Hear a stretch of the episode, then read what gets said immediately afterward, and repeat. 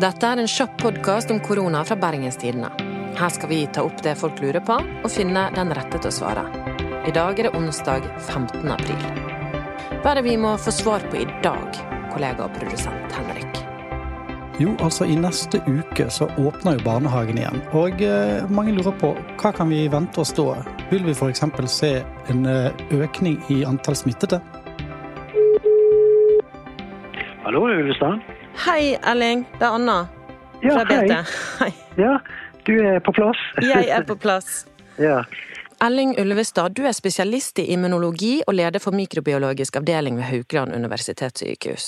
Og nå åpner jo barnehagene neste uke, og vi har blitt fortalt at barn ikke blir så fryktelig syke av korona, og i liten grad så smitter de andre barn.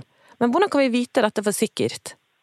Ja, det eh, er jo et godt spørsmål. Men eh, for å få svar til det spørsmålet, så må du gå til forskningslitteraturen.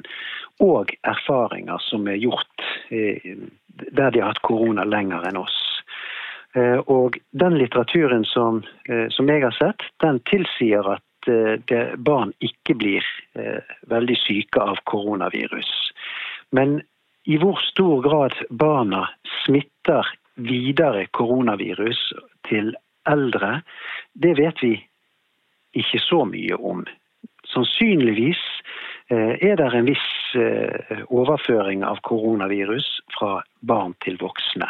Alle som har hatt erfaring med små barn, vet jo at de tar med seg smitte eh, når de er i barnehagen og andre steder. Tenker man, hvorfor tenker man annerledes i forhold til det nå?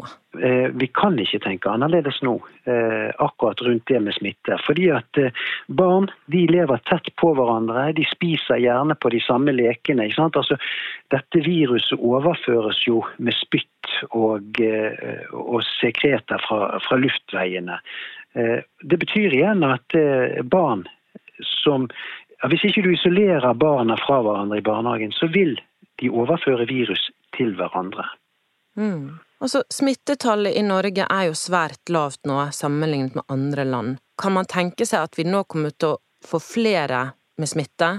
En av grunnene til at eh, helsemyndighetene nå ønsker å øke testaktiviteten i de mikrobiologiske laboratoriene, er jo nettopp fordi at man forventer økt forekomst av smitte, og at man ønsker å få kontroll med, eh, med denne økningen gjennom økt testing. Sånn at man kan spore opp de som er smittet, og ha de i karantene eller isolere de. Så man kan tolke det som at vi ønsker nå å smitte flere, men med et roligere tempo, men vi har mer kontroll over hvor smitten kommer fra. Ja, eh, du kan si det akkurat sånn, men jeg tenker at dette med ønsker å smitte flere, det er dette er en naturlig prosess som er helt uavhengig av våre ønsker. Det kommer til å bli eh, mer smitte i befolkningen om vi prøver å eh, eh, om vi prøver å begrense denne smitten på den ene eller den andre måten, så vil dette smittestoffet eh, være til stede. Og eh,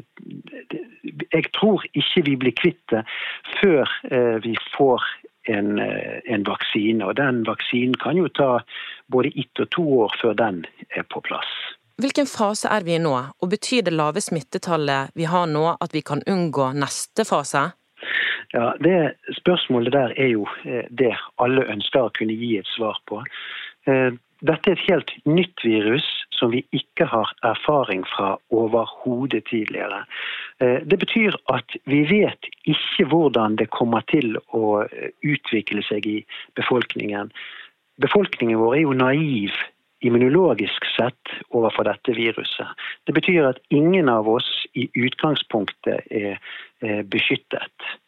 Så dette viruset vil kunne bevege seg fra person til person eh, i lang tid fremover, kanskje i mange år fremover. Kanskje dette vil bli et eh, virus som blir en del av hverdagen vår fremover.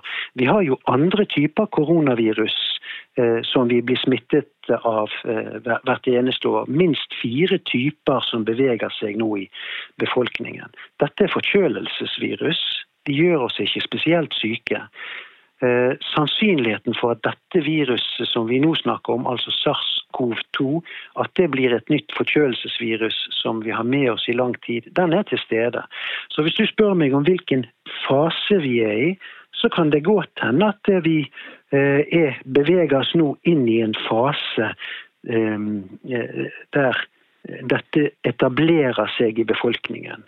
Altså at det ikke er noe som vi kan kvitte oss med. Jeg tror personlig at dette viruset kommer til å være med oss i mange år fremover. Men vi skal jo ikke frykte det, fordi at eh, etter hvert så blir en god del av befolkningen eh, beskyttet gjennom sitt eget immunsystem mot dette viruset. Men Hva vil det bety for oss hvis dette er med oss i så mange år som du mistenker? Eh, hvis dette viruset gir økt risiko for, for eldre. Og det er jo det som vi ser nå, at eh, de fleste alvorlig syke og de som dør av koronavirussmitte, det er eldre eh, personer med ulike risikofaktorer. F.eks. Eh, lungesykdom, hjertesykdom, diabetes. Hvis viruset forblir i befolkningen, og vi får en god vaksine, så kan man målrette vaksine mot eh, personer i eh, risikogruppene. Slik som man gjør med eh, vaksine mot lungebetennelse f.eks. Og nå som barnehagene åpner neste uke, så er det mange foreldre som er bekymret. Hva vil du si til de? Ja, jeg har fulgt med i, i Bergens Tidende bl.a. på diskusjoner rundt dette med åpning av barnehager og bekymrede foreldre. Eh, og eh, det, eh, det, det, er en viktig debatt, det som blir ført. Og de bekymrede foreldrene de har veldig gode argumenter for sitt syn. Samtidig så syns jeg også at helsemyndighetene har veldig gode argumenter for å åpne barnehagene. Det som jeg tror er kilden til uroen her, det er at vi har et formidlingsproblem til eh, folk med barn i barnehage. Fordi at vi sa at det var riktig å stenge ned barnehagene i midten av mars pga. smitterisikoen i barnehagene og pga. at det var en viss eh, fare forbundet med viruset. Det førte til at foreldrene den gang eh, ble engstelige Eh, og fant det riktig å holde barnet borte fra barnehagen.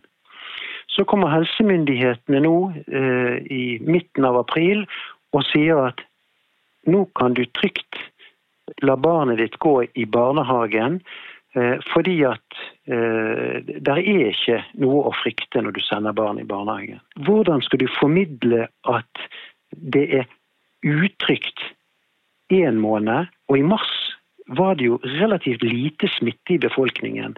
Så på den tiden der så sa, altså med lite smitte, så sa man at det var farlig og du måtte holde barnet hjemme. Så kommer du til april med relativt mye smitte i befolkningen, og så sier man at nå er det riktig å la barnet gå inn i barnehagen igjen. Det er klart at foreldrene eh, som tok det første budskapet, er bekymret nå når de får det andre budskapet.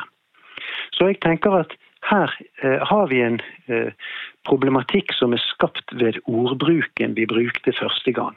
I Sverige så vil ikke de få den problematikken opp, for der valgte de å ikke stenge ned eh, barnehager og skoler. Nettopp fordi de anså det som relativt ukomplisert at barna fikk lov til å fortsette å gå i barnehage og skole.